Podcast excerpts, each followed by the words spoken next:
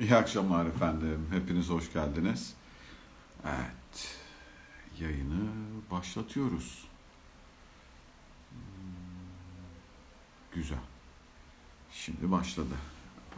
Herkes hoş geldi. Yavaş yavaş toparlanıyoruz. Toparlanınca sohbete başlarız. Merhabalar. Hoş geldiniz. Hmm, Tanıdıklar görüyorum. İsmini bildiğim insanlar görüyorum.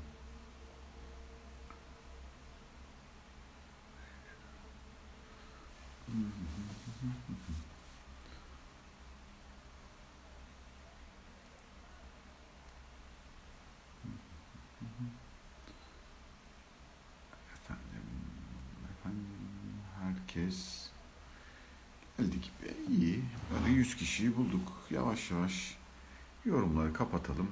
Sohbet etmeye başlayalım. Hepiniz tekrar hoş geldiniz. Şimdi yorumları kapattık. Ya bu yorum konusuyla ilgili de söyleyenler oluyor falan.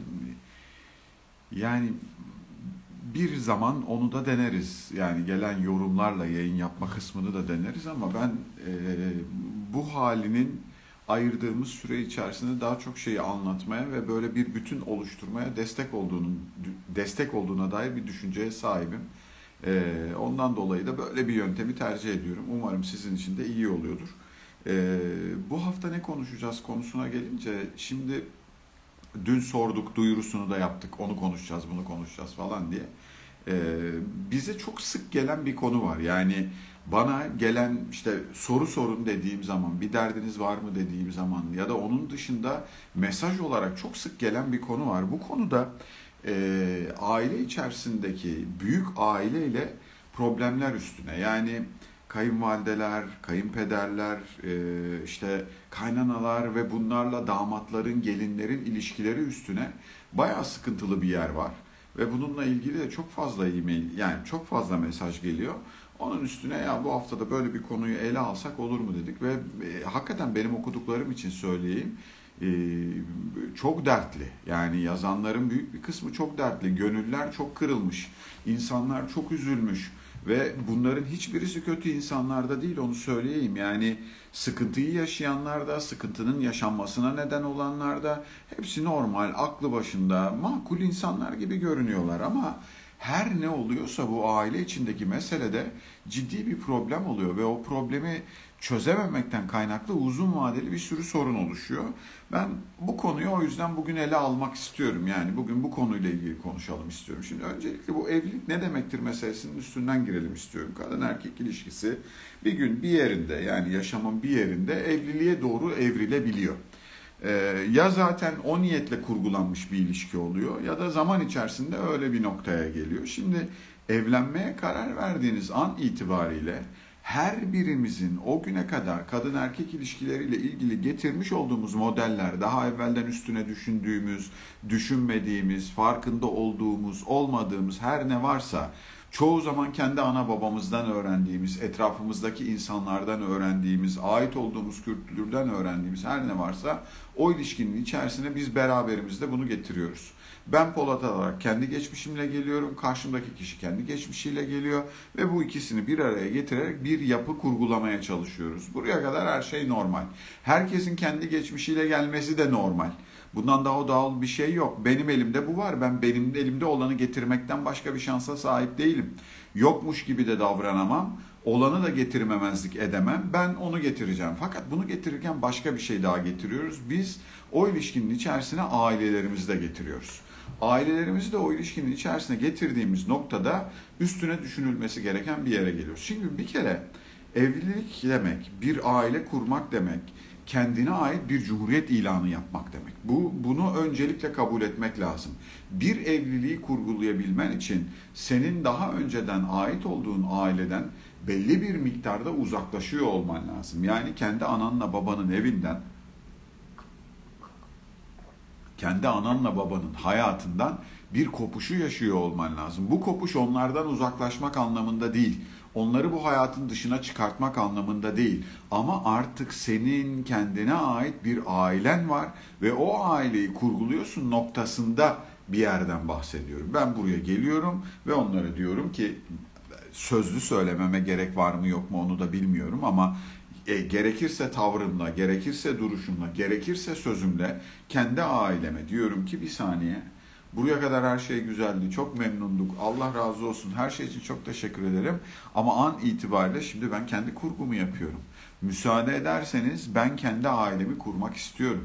Kendi ailenden yani kendi ana babandan boşanmadan, onlardan ayrılmadan bir evlilik kurgusu yaptığında ne yazık sistem sağlıklı bir şekilde işlemiyor. Senin burada özel bir yapı kuruyor olman lazım. Özgür, bizim kendi bildiğimiz gibi işleyen bir yapı kurmamız lazım.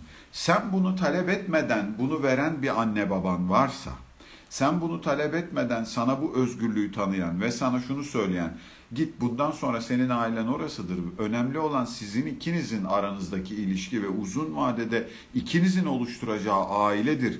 Biz ana baba olarak buradayız ve her zaman sana gönlümüz açıktır. Sana her zaman kapımız açıktır. Yardımımıza ihtiyaç duyarsan buradayız ama artık sen özgürsün diyebiliyorsanız bu size söylenmişse hocam dünyanın en şanslı insanlarındansınız onu söyleyeyim. Sizi özgürleştiren bir ana babanız varsa, sizi özgürleştiren bir aileniz varsa dünyanın en şanslı insanlarından birisiniz. Gerçekten yani bu çok kolay değil yapılması. Ben iki çocuk babası olarak söylüyorum bunu size.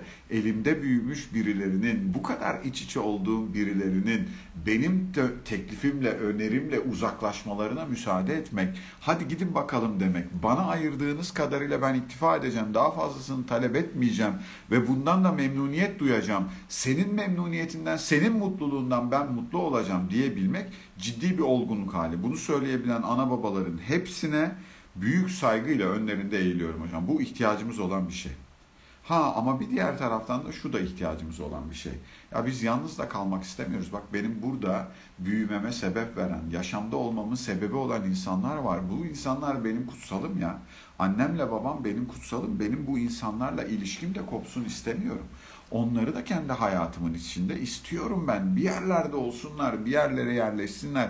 Bu hayatın içinde bir yerlerde onlarla da bir temasımız olsun. Bunu da istiyorum. Şimdi iki tarafında birer tane kutbun olduğu bir yapı tanımlamaya başladık. Ben bunları söylerken karşı tarafta böyle geliyor. Şimdi eğer iki tarafta benzer nitelikte bir tavırla geliyorlarsa hayat kolay o zaman. Her ikimiz de benzer bir tavırla ilişkinin içerisine girdiysek ve her ikimiz de eyvallah gel ya da güle güle git eş zamanlı söylüyorsak bunlarda hiçbir problem yok.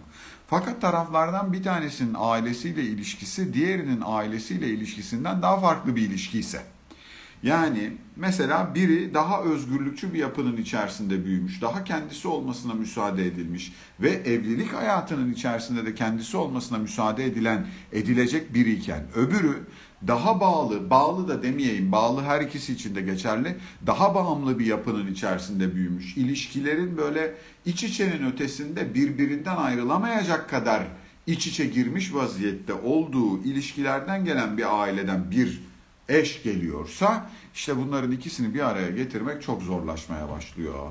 Onun dışında da yaşamın kendisinden kaynaklanan bir takım zorluklar var. Bu insanın insan olma sürecinden kaynaklanan bir takım zorluklar var. Biz sevginin bir yerine sahiplenmeyi çok ciddi bir şekilde koyuyoruz. Yani sahipleniyoruz sevdiğimizi.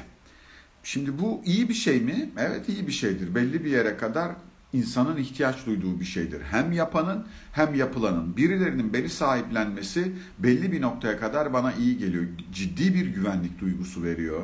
Kendimi iyi hissettiriyor. Güçlü hissettiriyor. Ne bileyim böyle başıma bir bela gelse aha da bunlar burada duygusu yaratıyor falan. Bunlar, bunlar çok güzel şeyler ya. Bunlar çok güzel şeyler. Ancak bunun abartılmış hali ise sen bizim evimizden çıksan bile bu evin çocuğusun noktasında oluyor. İşte orası problemli bir yer. Hele hele bizimkisi gibi bir kültürde. Hocam ne yazık ki biz doğduğu günden itibaren çocuklarımızın üstünde hak iddia eder vaziyetteyiz. Ana baba olarak. Bu benim çocuğum demenin ötesinde bu bana ait diyerek hayatı sürdürdüğümüz bir yerdeyiz. Ve evlenmesiyle birlikte bunu koparmadığımızda olan biten şeyler şunlar oluyor. Birincisi ayrı ayrı ele alacağım. Ya bunu hem kadın yani evli çiftin kadın tarafı içinde ele alacağım, evli çiftin erkek tarafı içinde ele alacağım. Bizim kültürde güç her aile için öyle değil ama ne söylemek istediğimi anlıyorsunuz. erkek çocuğu güç sembolüdür. Yani bir ailede erkek gücü belirler vaziyette. Birçok yerde, her aile için değil ama birçok yerde durum bu. Böyle olduğu zaman ne oluyor?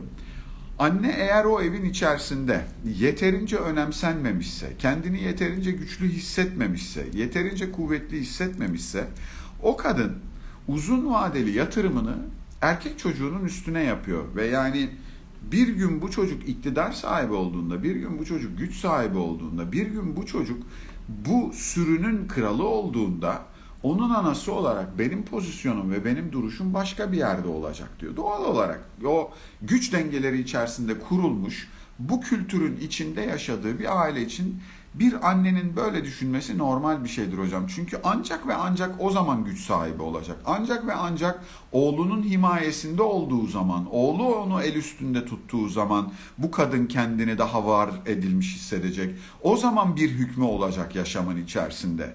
O saate kadar kendinde olmayan hükmü de beklemiş oluyor.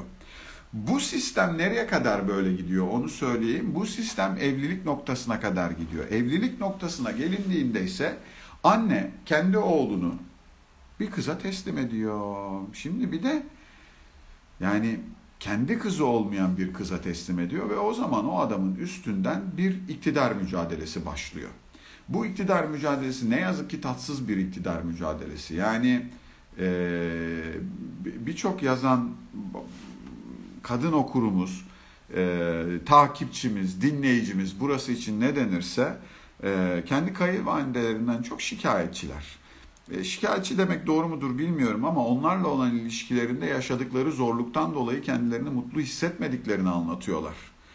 Ev hayatlarının sağlıklı olmadığını anlatıyorlar. Üstelik de ya bunu söyleyenler 20 küsür senedir bunu yaşadıklarını söylüyorlar. Yani 20 yıldır böyle bir yaşamı bir insanın yaşıyor olması çok kolay bir şey değil. Onu anlayabiliyorum, onu da söyleyeyim. Yani bir insan 20 yıl boyunca böyle bir şeyi nasıl yaşar, 20 yıl boyunca böyle bir şeyin içerisinde hayatını sürdürürse ruhunun ne kadarı yerinde kalır sorusuna benim kafamın içerisinde sağlıklı bir cevapta yok. Onu söyleyeyim, yaşayamazsınız böyle. Sizin kendi olabildiğiniz bir ortam kurgulanması lazım. Ama bu ortamı da kendi başınıza kurgulayamazsınız. Öbür taraftan da yani genel çözümleriyle ilgili konuşacağız ama o çözümlere girmeden önce bir de erkek boyutuyla ilgili olan kısmını anlatayım. Bir ailenin bir kızıyla bir erkek olarak gidiyor evleniyorsunuz. Kendi ailenizden getirdiğiniz bir takım alışkanlıklarınız var. O var bu var falan filan. Ve önünüze şöyle bir seçenek çıkıyor. Ben bir kendi ailemi kurabilecek miyim? Bir erkek olarak şunu söyleyeyim size ben kendi ailemi kurabilmeyi ve kendi ailemi eşimle birlikte uygun gördüğüm şekilde yönetebilmeyi çok anlamlı, çok doğru ve yaşamın en böyle merkezi ilişkilerinden biri olarak görüyorum. Öyle ya da böyle yani bu kültürden mi geliyor, genetikten mi geliyor, oradan mı geliyor, buradan mı geliyor tam bilmiyorum ama içimden bir şey bunu istiyor. Bu aile benim ailem ve ben bu ailenin içerisinde önemli bir yerdeyim. Bu ailenin karar mekanizmasının bir kısmı da bana ait ama bütün mekanizmanın totali de ikimizle ilgili, eşim ve benimle ilgili diyebilmeyi istiyorum ben. Bizden başka birilerinin bizim kararlarımız üzerinde etki sahibi olması halinde ben kendimi bir yapıyı yöneten, o yapının içerisinde hak ve söz sahibi olmanın ötesinde yönetilen şeklinde görmeye başlıyorum ve yönetildiğim bir yerde yönetmeyi umduğum, hak sahibi olmayı umduğum bir yerde yönetmeyi umduğum derken lütfen yanlış anlaşılmasın. Ben burayı yöneteceğim demiyorum.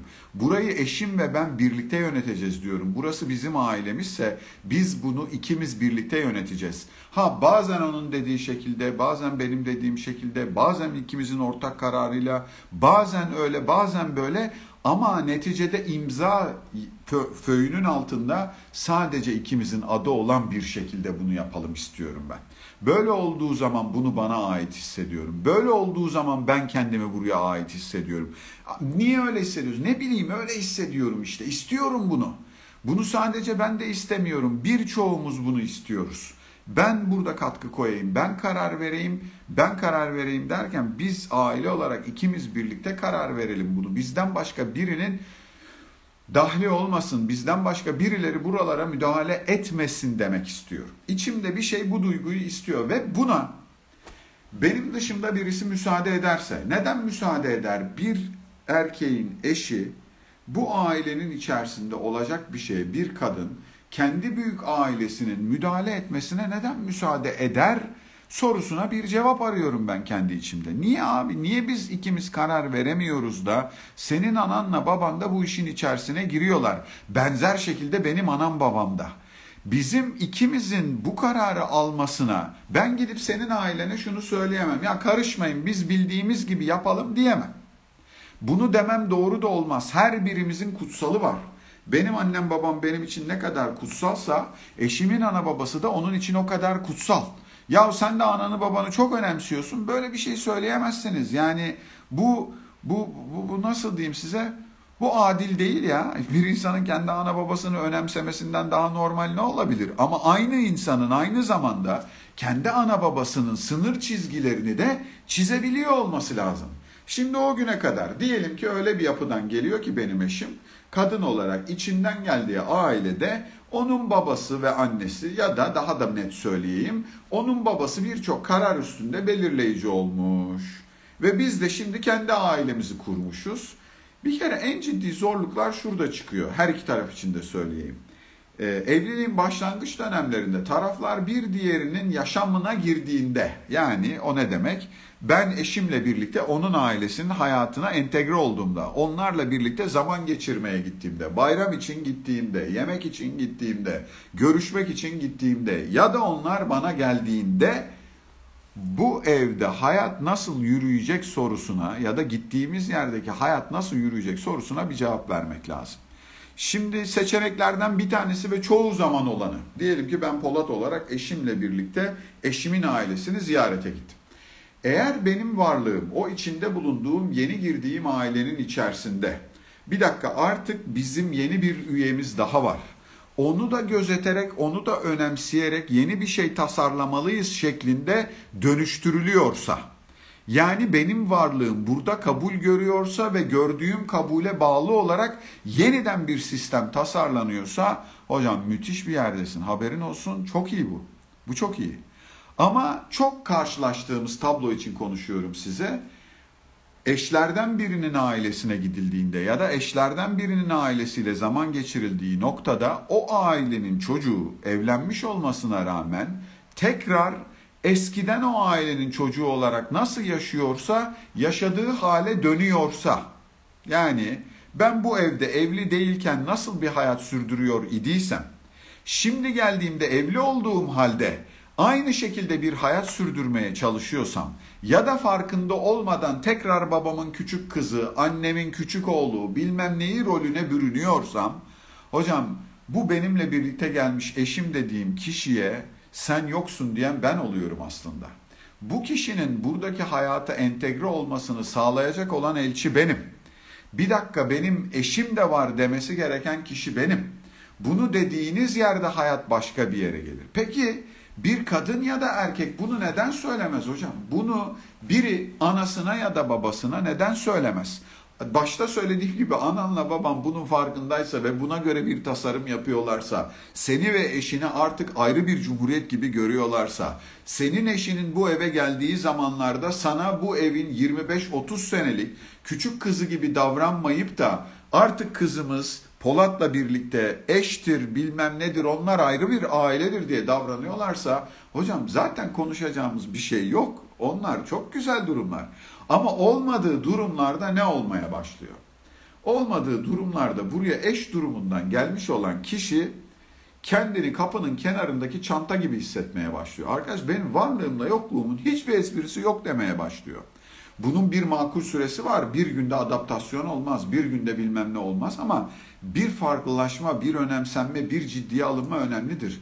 Ben size çok net bir şey söyleyeceğim. Bugünün ana babalarına söylüyorum. Yarın öbür gün birilerinin kayınvalidesi, kayınpederi olması ihtimali olanlara o gün o gün hala sistem olarak evlilik olur mu olmaz mı onu bilmiyorum ama benim çocuklarım kendi hayatlarında olmasını istedikleri biriyle benim kapıma geldiklerinde ben şunun farkında olmak zorundayım. Benim kendi çocuğumun mutluluğu aha şu gördüğün arkadaşın benim çocuğumla hayatını keyifle geçirmesiyle bağlantılı. Yani bu kişi benim bu dünyada en çok sevdiğim kişinin mutluluğu ve mutsuzluğu hakkında belirleyici olabilecek birisi.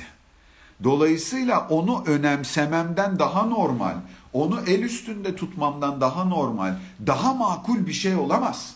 Bir insan ne zaman çocuğunu önemsemez onu söyleyeyim. Kendini, kendi iktidarını ve kendinin o yaşamdaki yerini çocuğundan daha fazla önemseyen biri çocuğunu ve çocuğunun evliliğini ve çocuğunun eşini ne yazık ki malzeme olarak görür. Ne yazık ki malzeme olarak görür. Hocam bu benim kızımın, oğlumun eşi, sevgilisi her neyse bu tanıştığımız kişi belki de benim torunumun annesi babası olacak. Benim kan bağı sahibi olduğu birinin yaşamdaki yetiştiricisi olacak. Bu insan benim yaşamımdaki en önemli insanlardan biridir ya. Öyle bir şey olabilir mi? Ve bunu yapmadığımız yerde iş bambaşka bir yere geliyor. En önemli olan alanlarından bir tanesi çiftler birbirlerine saygı gösteriyorlarsa o çiftin üyesinin dışarıdan gelen üyesinin o ailenin içerisinde saygı görme ihtimali çok artıyor. Sen eşini koruyup kollamıyorsan, sen arkasında durmuyorsan e arkadaş o zaman kaçınılmaz olarak bu evin içerisinde o hırpalanmaya başlıyor. Bir şeyler eksik olmaya başlıyor. Bir şeyler problemli olmaya başlıyor. Bizim orada yapacağımız şey bir dakika artık benim kendime ait yeni bir ailem var ve bu aile önemlidir. Burada başka şeyler olması icap eder demem durumu olur. Ha ama şu da gerçektir. Benim kendi evimi kurmuş olmam, benim kendi hayatımı kurgulamış olmam buranın artık benim evim olmadığı anlamına da gelmez. O anlamada gelmez. Benim annemle babamın da saygıya ihtiyacı vardır. Benim annemle babamın da önemsenmeye ihtiyacı vardır. Benim annemle babamın da senin annen baban gibi tanımlanmış anlamlı bir ilişkinin içerisinde rollerini yaşamaya ihtiyaçları vardır hocam. Bunu da kaçırmamak lazım. Bütün bunların dengesini yakalamak lazım. Bu denge ne demek biliyor musunuz? Bu bir ilişkiyi değerlendiriyorsanız böyle bir yerde bir kere ilişkinin taraflarından biri benim. Erkek olarak benim. İkincisi benim eşim karşımdaki. Üçüncüsü de bizim dışımızdaki onun ailesi ve benim ailem. Şimdi birçok yerde konuşuyorum ben. Birçok yerde bununla ilgili sohbet ediyoruz bazen. Başka başka nedenlerle üstüne konuştuğumuz konulardan biri. Bir evliliğin içinde en çok sorun çıkartan alanları sayın dediğim zaman aileler en başta sayılan konulardan bir tanesi.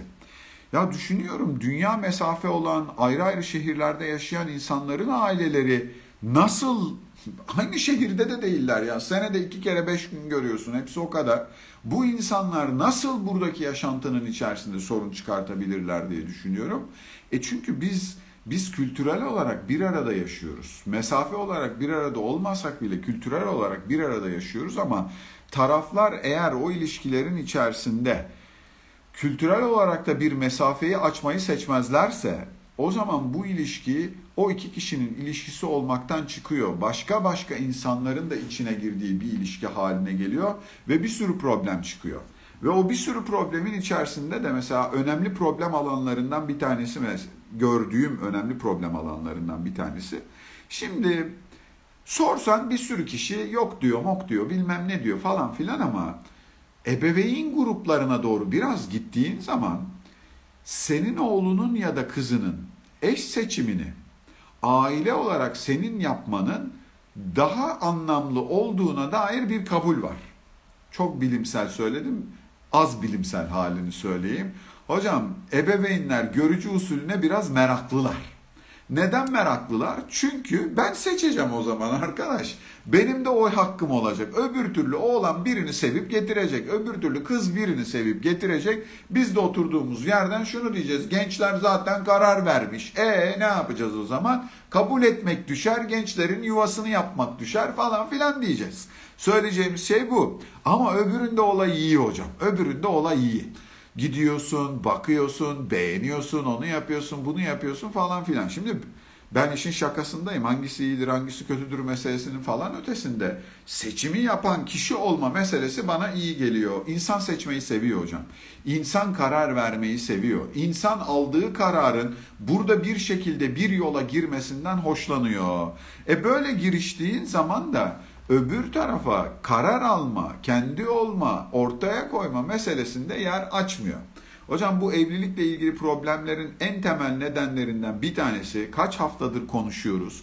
Bir yaşamın içerisinde senin kendin olmayı beceremediğin yerden kaynaklanıyor.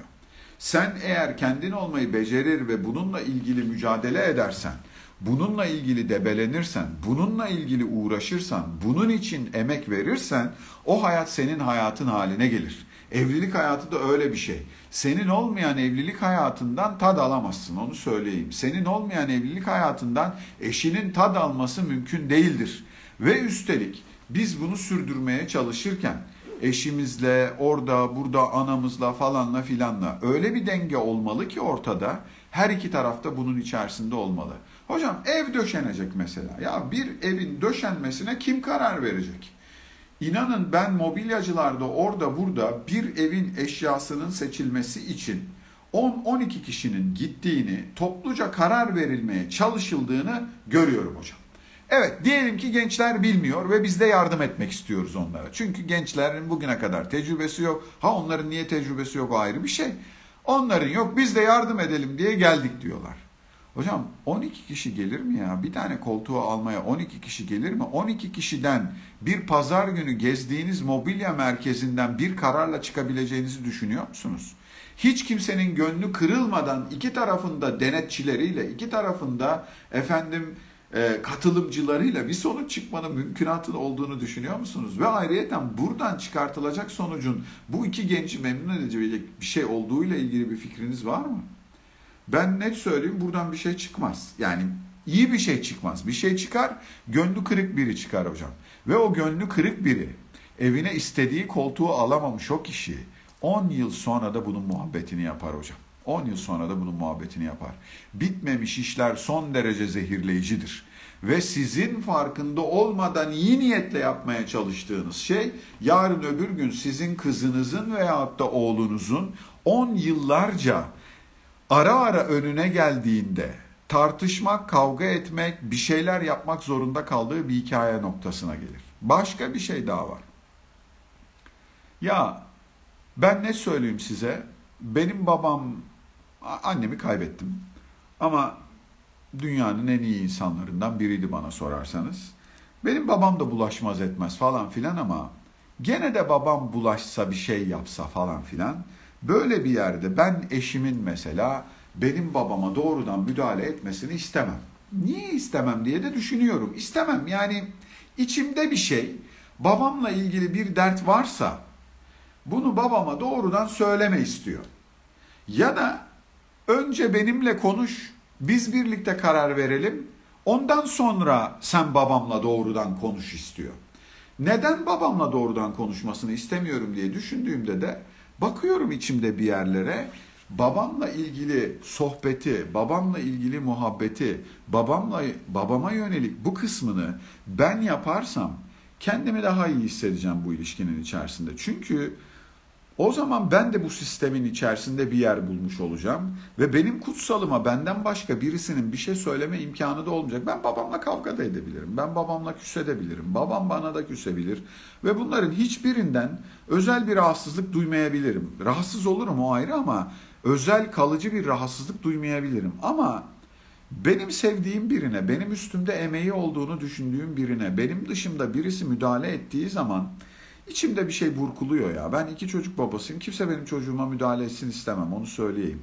Kimse benim anama babama da müdahale etsin istemem. Bunun da doğal hakkım olduğunu düşünüyorum. Ama babamla annemden bir rahatsızlık varsa da bunun gelip bana söylenmesini de istiyorum. Pis bir şey, zor bir şey. Onu da söyleyeyim. Birine ya senin annenle baban da böyle yaptığıyı söylemek de zor. Senin annenle babanın bu davranışından dolayı da ben kendimi böyle hissettim demek de zor. Ama bir ilişkinin uzun vadeli sağlığı ve birlikte yürütülebilir olması için bunun da ortada olması lazım. Çünkü söylenmediği yerlerde bana gelen bütün mesajların özü bu. Söylenmediği için çok birikmiş, paylaşılmadığı için çok birikmiş. Belki de o kişiler denediler bir zaman. Gittiler dediler ki Ahmet, Leyla bak bir şey söyleyeceğim. Benim gönlüm kırılıyor, bir şeyler yaşıyoruz. Bizim başka türlü bir kurgu yapmamız dediler. Belki de dediler. Başka bir şey yapmamız dediler. Böyle bir yerde ben eşimi terslediysem, Böyle bir yerde ya onlar anam babam ben nasıl söyleyeyim yapamayız öyle bir şey falan filan dediysem hocam bu kadıncağız bu erkek bunu yutmak durumunda kalıyor. Niçin yutmak durumunda kalıyor? Evliliğin selameti için, çocuklarımızın geleceği için, bilmem onun için, bunun için falan filan. Ama net söyleyeyim size, bir yuttunuz, iki yuttunuz, üç yuttunuz. Fakat sonra birikir hocam. Sonra birikir. Birikmeye başladıktan sonra da olan her şey size batmaya başlar. Her şey batar ondan sonra onu söyleyeyim. Geçmiş defterleri de açarsınız bir şeyler size batmaya başladığı zaman. Bugün olanla ilgili değil bundan 5 sene önce olmuş o günü lafını etmediğin şeyi de bugün masanın üstüne koymaya başlarsın. Bana da böyle yaptılardıydı da anama da böyle dedilerdi de bilmem neye de böyle olduydu da ve net söyleyeyim size buradan bir nefes almak mümkün olmaz. Ve insanlar açısından da çok zor biliyor musunuz? Senin eşim dediğin kişinin senin ananla babanla arasının iyi olmaması hali senin hayatını çok zorlaştıran bir şeydir. İstediğin gibi gidemezsin, istediğin gibi gelemezsin. Telefon olduğu zaman problem, olmadığı zaman problem ve bir de buna karşılık vermek için gönlün aksa bile, ben onu da biliyorum birçok ailede öyle olduğunu. Madem senin benim anamla babamla aran iyi değil, o zaman ben de seninkilerle iyi olmayacağım diyor. Arkadaş niye öyle bir şey söylüyorsun? Oluyorsa kendiliğinden olsun. Olmuyorsa da oturup tekrar konuşalım. Şimdi başa dönecek olursak bir, iki kişi bir araya geldiğinde bir yapı oluşturuyorlarsa önce bu yapının kendi olmayı becermesi lazım. Bu en içteki çemberde sadece sen ve ben olacağız. Bütün iç işlerine sadece sen ve ben karışacağız. Bütün dış işlerine sadece sen ve ben karışacağız. Ama bazı konularla ilgili bizden başkalarını da ilgilendiren konularsa hocam onlarla da paylaşacağız. Ve bir şey daha söyleyeyim size. Böyle bir şey yapabilmenin de başka türlü bedelleri var. Yani bu hayatı biz yönetiriz, bizim istediğimiz gibi olur, biz karar veririz diyorsanız genç olarak ya da çift olarak illa genç olmanıza da gerek yok. E o zaman ananızla babanızdan da bir şey isteme, onlardan bir şey bekleme noktasında onların da biraz ketum olmalarını ya da çok verici olmamalarını baştan kabul etmiş olmanız gerekir. Yok öyle yani üç kuruşa beş köfte. Onlar da diyorlar ki tabii torun da bakarız ama arada sırada bizi de diyor bu konuyla ilgili daha fazla ciddiye almanız gerekir diyor. Öyle demeseler iyi ama diyenin de niye dediğini anlayabiliyorum ben. Sistemi buralarda bir yerlerde oturtturmak lazım. Sonrasında da hocam eşinin arkasında duracaksın kadının da erkeğin de arkasında duracaksın. Bu evdeki düzene senin annen karışıyor ve karını yok sayma noktasına doğru gidiyorsa bu iş, iyi niyetinden de olabilir ha. Kızım onu öyle yapsak mı, böyle yapsak mı diye soruyor bile olabilir. Ama kızım dediği kişi bu işten rahatsız oluyorsa, senin eşin dediği bu kişi bundan rahatsız oluyoruz. Olabilir. Onu söyleyeyim size. Ya ne var anam da iki karışsa bir şey mi olur? Kadın bir şey demedi ki ya diyor. Sana öyle geliyor.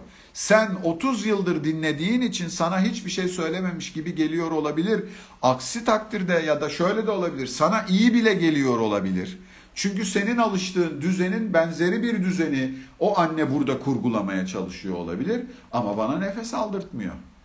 Ya da en basit anlamda ne sıklıkta ziyaret olacak, ne zamanlarda görüşeceğiz, kim karar verecek, bugün zaman nasıl geçecek, birlikte olduğumuz zaman dilimini kim yönetecek meselesi zor meseledir hocam.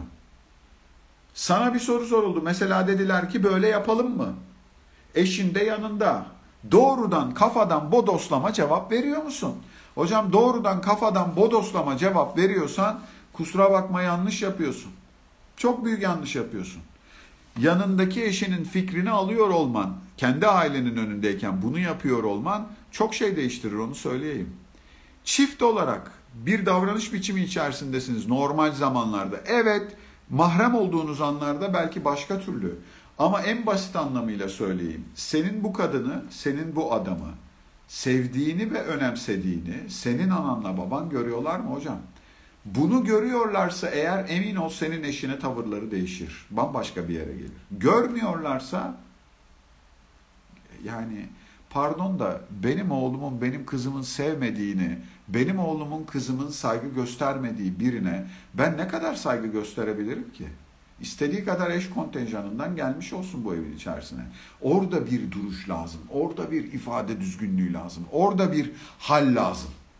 Biz bununla ekip arkadaşıyız. Aman ha yanılmayasınız. 50-50. Bende de var, onda da var. Bunu da yok sayamazsınız, beni de yok sayamazsınız. İkimizi de görmeniz lazım kısmında. Tersi de aynı şekilde geçerlidir. Bir başkasının kutsalına yani anasına babasına bir şey söylemeden önce 50 kere düşünmekte fayda var. Hocam bu kültür çocukların anne babalarını kutsayarak sevdikleri kültürlerden bir tanesi. Bu yokmuş gibi davranamazsınız. Birinin anasını babasını eleştirmeden önce beş kere düşünmekte fayda var. Hadi eleştirmeye karar verdin.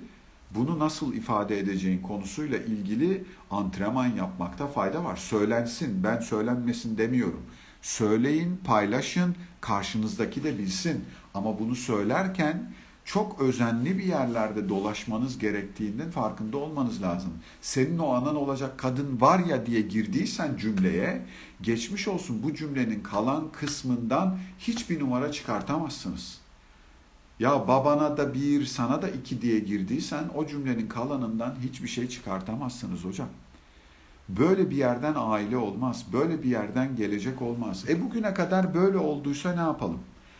Ya zor bir yerdesiniz haberiniz olsun. Bugüne kadar böyle olduysa ne kadar zamandır oldu, ne oldu, ne bitti falan filan onu da bilmiyorum. Ama böyle olduysa hayatın kalanını böyle sürdürmeniz mümkün değil. Bunu bilesiniz. Sürer mi? Sürer o ayrı ama hayatta kalmakla yaşamak arasında fark var. Yani ömrümün kalanını da böyle kötü geçireyim mi diye soranlar var. Ne diyeyim ben onu da bilmiyorum. Ne desem onu da bilmiyorum. Ben Polat olarak bir şeyleri göze alabilen biri olabilirim. Sen alamayan biri olabilirsin. Ama netice itibariyle burası bir karar vermeyi gerektirir. Ben bu kararı olumsuz bir karar olarak alın da demiyorum. Ama bir karar alın ve uygulamaya koyun. Nedir o karar? Bir, ya benim kayınvalidem, benim kayınpederim, benim eşim, işte parçası olduğum bu aile kendine göre bir takım özelliklere sahip ve bu özelliklerinden dolayı da bazı yerlerde ben zorlanıyorum. Buradan itibaren seçimlerden bir tanesi. Bu zorluğun ortadan kalkabilmesi için ben kendi eşimle oturup bu konuyu konuşup bunu nasıl çözeriz diyecek miyim demeyecek miyim? Ve bunu derken kırmadan, dökmeden, devirmeden bunu yapacak mıyım? Çünkü bambaşka kültürleri bir araya getiriyor evlilik dediğiniz şey. Karar verdim diyeceğim. Karar verdim diyeceğim. Bana göre başlangıç kararı olarak da doğru olan budur. Onu söyleyeyim. Karar verdim. Ben eşime gidip diyeceğim ki artık nasıl söyleyeceğim bilmiyorum ama üstüne çalışacağım. Diyeceğim ki benim zorlandığım bir takım yerler var. Bunlarla ilgili seninle konuşmak istiyorum. Ve o konuşmanın kalan kısmında da çok dikkatli bir şekilde saygısızlık etmeden, kırmadan, dökmeden yaşadıklarımı kendi duygumun üstünden anlatıyor muyum? Böyle böyle olduğunda ben kendimi böyle böyle hissediyorum şeklinde. Anan da öyle yaptı, baban da böyle oldu falan filan değil. Ben böyle hissediyorum. Onlar bir davranış sergiliyorlar. Bunun sonucu olarak ben kendimi böyle hissediyorum. Böyle hissettiğim zaman da seninle aramızdaki ilişkide bir şeyler aksıyor. Sen müdahale etmediğinde ben kendimi sahiplenilmemiş hissediyorum ve burayı da bizim ailemiz gibi hissetmekte zorlanıyorum konuşmasını bir gün bir yerlerde yapmak lazım efendim. Eğer böyle bir sıkıntı varsa. Yaptın ve karşı taraf anlayışla karşıladı ve buna göre aksiyon aldıysa çalsın davullar. Nefis, harika gidiyoruz. Çok güzel. Ben bunu çok anlamlı buluyorum. O kısmında her şey çok güzel. Ama değilse, karşı taraf bu konuyla ilgili bir aksiyon almıyor ise kendi anasına babasına karşı. Nasıl alır o aksiyonu? Gider söyler. Kolay mıdır? Çok zor. Ve üstelik de bunu ya siz böyle yapıyorsunuz bizim hatun bizim adam rahatsız oluyor yapmayın artık diye söylersen zaten ilişkiyi tamamıyla bitirirsin. O günden itibaren senin eşinin o ana babayla bir ilişkisinin olması mümkün değildir onu söyleyeyim.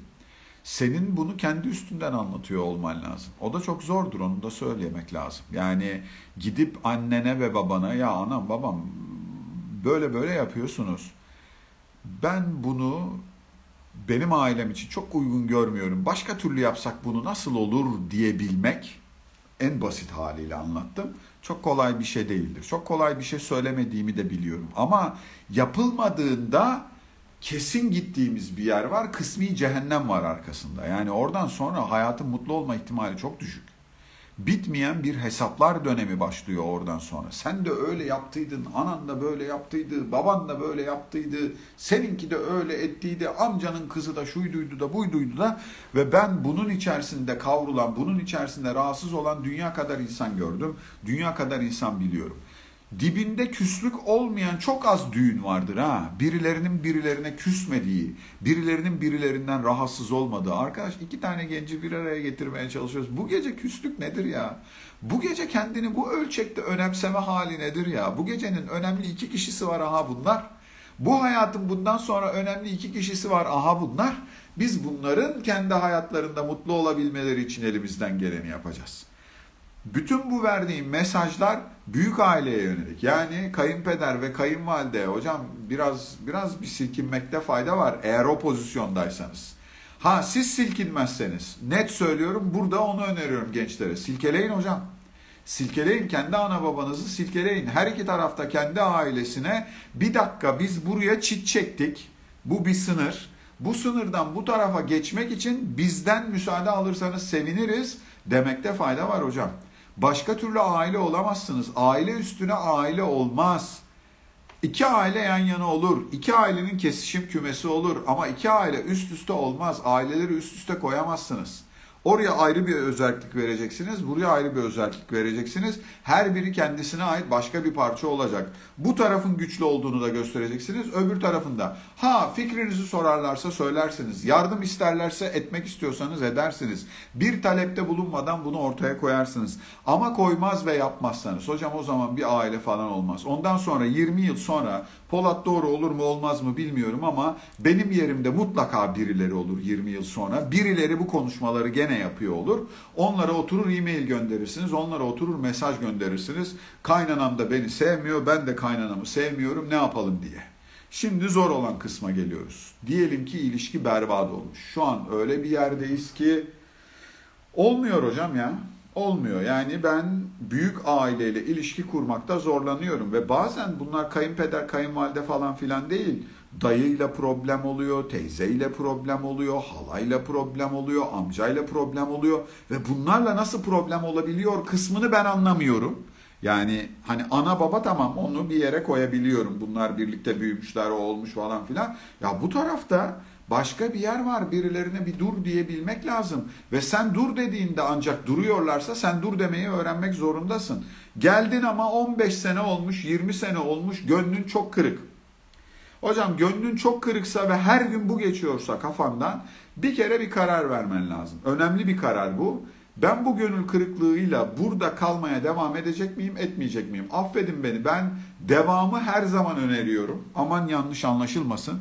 Devam edin hocam. Devam iyidir. Çözebiliyorsanız orada kalın. Çok iyidir. Ama bu kararı önce bir verin. Ben burada devam etmek istiyor muyum, istemiyor muyum kararını mutlaka verin. Çünkü bu kararı vermeden davranış seçemiyorsunuz. Nereye gitmek istiyorsun sorusunun bir cevabı olması lazım sizde. Niyetin ne ya? Gelecekte nasıl bir gelecek görüyorsun? Nasıl bir hayat görüyorsun? Sen nerede olacaksın? Ben nerede olacağım? konusuyla ilgili bir cevabının olması lazım. Ve o cevabı verdikten sonra o cevaba göre davranış seçiyor olmam lazım. Ben 15 yıl sonra da bu evliliğin içinde olmak istiyorum dedim. Ha çok güzel. Tamam. Demek ki ayrılma opsiyonlardan biri değil şu anda. Başka ne istiyorsun gelecekten? Ama aynı zamanda da kendim olabilmek istiyorum. Bizim ikimizin bir aile olabilmesini istiyorum. Bizim ikimizin kendimize ait özel bir yaşamının olmasını istiyorum. Bizim ikimizin kendimizin bir karar verebilen mekanizma olmasını istiyorum. Bizim ikimizin kendimizin bazı konularla ilgili fikir sahibi olabilmesini istiyorum. Güzel hocam ne istediğini biliyorsun hayattan. E o zaman şimdi ne yapıyoruz? Bir şey daha istiyorum çok birikti be içimde. Bunları da halletmek istiyorum. Çünkü bunları halletmeden, bunun içini temizlemeden bu dediğin şeyleri yakalamak çok zor. O zaman iki eş oturup konuşacaksınız. Zor bir konuşma olacak onu söyleyeyim. Kolay bir konuşma değil. Kırmadan, dökmeden yapmanın yolunu bulmak durumundasınız. Ya böyle böyle böyle böyle böyle ben de bunları bekliyorum hayattan böyle böyle böyle böyle konuşmasını yapıyor olmanız lazım. Ondan sonra da birlikte bir aksiyon planı almak lazım. Anaları babaları bu işin içerisine ne kadar sokacağız? Şöyle mi yapacağız, böyle mi yapacağız? Kim neyi anlatacak, ne kadar anlatacak, ne kadar söyleyecek? Gittiniz, yaptınız, söylediniz, anlattınız. Karşı tarafta bununla uyumlu bir tavır sergiledi. Alın size yeni bir evlilik. Harika. Yürürsünüz oradan. Ama şu da mümkün. Ben bunu söyleyemem. Bugün söyleyemem. Yani haklısın, hak da veriyorum sana ama öyle ya da böyle ben bunu gidip anama babama söyleyemem. Hocam ben bunu gidip anama babama söyleyemem dediğiniz an itibariyle karşı tarafa yani eşinize karşı taraf derken oyunun karşı tarafı anlamında söylemiyorum ya da size ters olan bir anlamında söylemiyorum ama eşinize ben bu konuyla ilgili alınmış kararı uygulayabilecek durumda değilim. Sen kendi uygulayabileceğin bir karar al demiş oluyorsunuz. Yani sen bir karar ver nasıl yapalım demiş oluyorsunuz. Ve eşiniz öyle bir yerde o zaman az görüşelim, çok bulaşmayalım. Ben kendimi rahat hissetmiyorum çünkü bir arada olduğumuzda diyebilir hocam. Diyebilir. Bu bu buna iki tarafında hakkı var diyebilir. Olmuyorsa, o ilişki sağlıklı bir şekilde yürümüyorsa o zaman mesafe açmak gerekebilir. Geçenlerde anlatmıştım. Çarklar var dedim. Dişliler birbirinin içinde ve bunlardan biri dönüşmeye, değişmeye karar verdiğinde yani biz aile olarak kendi başımıza aile olmaya karar verdiğimizde biz kendi cumhuriyetimizi ilan etmeye karar verdiğimizde anamdan babamdan bağımsız kendi bildiğimiz gibi bir kurgu yapmaya karar verdiğimizde eğer benim annemle babam ve senin annenle baban da evet ya çok iyi olur bakın keyfinize çocuklar dediyse bu çark döndüğünde bu taraftaki bu da onunla birlikte sağlıklı bir şekilde döner. Ama bu çark döndüğünde bu dönmeyecekse olur mu öyle şey falan filan diyorsa çarkların kırılmaması için ikisini birbirinden ayırmak icap eder. Ne kadar ayıracaksınız siz bilirsiniz. Ne kadar mesafe koyacaksınız siz bilirsiniz. Ama o mesafeyi açmak icap eder ve bunu gönüllü açmak icap eder. Zorunluluktan değil, gönüller kırılmasın, kimsenin içinde bir şey kalmasın diye. Ve ondan sonra da o mesafeyi açmaya karar verdiğimizde bir konuyla ilgili daha karar vermiş oluruz. Majör bir şeye dokunmadığında, merkezi bir şeyi rahatsız etmediği sürece senin annenle babanı, benim annemle babamı kendi varoluşlarıyla kabul etmeyi okeyliyoruz demektir. Buna tamam diyoruz demektir o. Çok beğenmiyoruz, çok onaylamıyoruz ama onları da değiştiremeyeceğimiz için onları o halleriyle kabul ediyoruz demektir. Onları o halleriyle kabul edince de ister istemez o hal bana iyi gelmiyorsa daha az görüşeceğiz demektir. Bundan daha normal bir şey yok. Bakın başta söyledim bu işte üç tane taraf var. Tarafların bir tanesi benim. Bir tanesi eşim. İkimizin de yapının içerisinde önemsenmesi lazım. İkimizin de beklentilerinin, ikimizin duygularının, ikimizin gönlünden gelenlerin merkezi bir yere konması lazım. Ama bir de bizim önemsediğimiz üçüncü şahısların, onun ailesinin ve benim ailemin de bir merkezde tutuluyor olması lazım. En iç çemberde değil ama iç çemberin hemen dışındaki çemberde eğer ilişkiler o doğrultudaysa onların da kendine bir yer buluyor olması lazım. Benim anamı da önemseyelim bir zahmet. Benim babamı da önemseyelim bir zahmet. Keza benzer şekilde senin ananı babanı da önemseyelim. Bu, bu bunlar gerekli ama onlara göre hayat kurgulamayalım. Bugüne kadar kurgulamışsak, hocam girişim bir yerden, bugüne kadar böyle kurgulamışsanız ve tarafların her ikisi de bundan memnunlarsa bir sorun yok. Ama taraflar bu işten memnun değillerse bu böyle devam etmez, azap olur. Yeni bir uygulama yapmanız lazım. Yeni bir uğraş sergilemeniz lazım. Yeni bir şey yapıyor olmanız lazım. Ben kayınvalidemle aram iyi değil diyen eşimin annemle arasının iyi olması için ne yapmam lazım diye bakıyor olmam lazım. Babanla aram iyi değil diyen eşimin annem ve babamla belli bir ilişki düzeyini nasıl yakalayacağına benim destek oluyor olmam lazım. Bunu yapabilmenin tek yolu da o ailenin çocuğunun öbür tarafa kendi ana babasına dönüp bir dakika ya siz burada bir yerde durmalısınız dediği yerde oluyor. Bu saate kadar gönüller kırılmış, darma duman olmuşsa Bir, kabul eder ve affedersiniz. Affedebiliyorsanız herkesi affedin hayatınızda ya. Onun yükü çok çekilmez büyük onu söyleyeyim. Affedebildiğiniz herkesi affedin. Affedebiliyorsanız affedin ve ilişkiyi yeniden tasarlayın. Bir daha dönmeyin o muhabbete. Gerek yok ya. Yani ayağınızın biri sürekli gerideki çukurun içinde kalmasın. Çekin onu çıkartın. Yürüyün bakın yolunuzun üstüne. Ama edemiyorsanız, edemiyorsanız. Hocam o zaman affetmediğim halde biz bir ilişkiyi nasıl sürdürebiliriz konusuyla ilgili biraz kafa patlatmakta fayda var. Ya kendi cumhuriyetimizi başka bir yerde bir şekilde kuracağız ya da yadasını bilmiyorum. Öyle bir karar vermek lazım. Bugün bugün büyük aileden konuştuk. Bu büyük aile dediğimiz büyük aile analarımız, babalarımız, dedelerimiz, etrafımızdaki insanlar. Ben ben çok kalabalık ailelerde büyümüş birisi olarak söyleyeyim size. Büyük aile çok iyi bir şeydir ya. Büyük aile çok lezzetli, çok güzel bir şeydir. Etrafta çoluk çocukların olması, etrafta dedelerin, nenelerin olması, teyzelerin, amcaların, onların, bunların falan olması çok iyidir. Ama yönetilmeye muhtaç bir ortamdır onu söyleyeyim. Kendiliğinden, kendi doğası içerisinde değil bir yönetim ister ve o yönetimle anlamlı bir hale gelir. Bu iş her konuda söylediğim gibi bu iş emek meselesidir. Üstüne verdiğiniz emeğe göre şekil alır. O emeği vermeden kendiliğinden olacağını umuyorsanız da o zaman biraz zor olur. Büyüklere söylüyorum, gençleri özgürleştirin. Kaç yaşında olurlarsa olsunlar, gençleri derken sizden daha genç olan, sizin çoluğunuz çocuğunuzdan bahsediyorum. 40 yaşında olanı da. Lütfen, lütfen onu verin. Lütfen verin, özgürleşsin. Özgürleşsin onlar. Özgürleşirlerse kendileri bir yol bulacak. Gençler için de söylüyorum. Kendi kutsalınızın kutsal olduğunu karşı tarafa anlatın ama bu kutsalınızın sizin aranızda konuşulamayacağı anlamına gelmez. Doğrudan müdahale etmeyebilir. Doğrudan müdahale etmesine müsaade etmeyebilirsiniz. Bunu anlıyorum ama en azından en azından bir derdi varsa bununla bunu benimle paylaşabileceği bir durum olmalı. Gençlerin kendi arasındaki durum için söyleyeceğim şey ise bir başkasıyla konuşurken onun için değerli olan şeylerin değerli olduklarının farkında olmakta fayda var. Çam devirmemekte, bardakları kırmamakta, ortalığı yıkmamakta fayda var. İyi haftalar diliyorum efendim. Hepiniz iyi ki varsınız. Görüşmek dileğiyle. Hoşçakalın. Bay bay.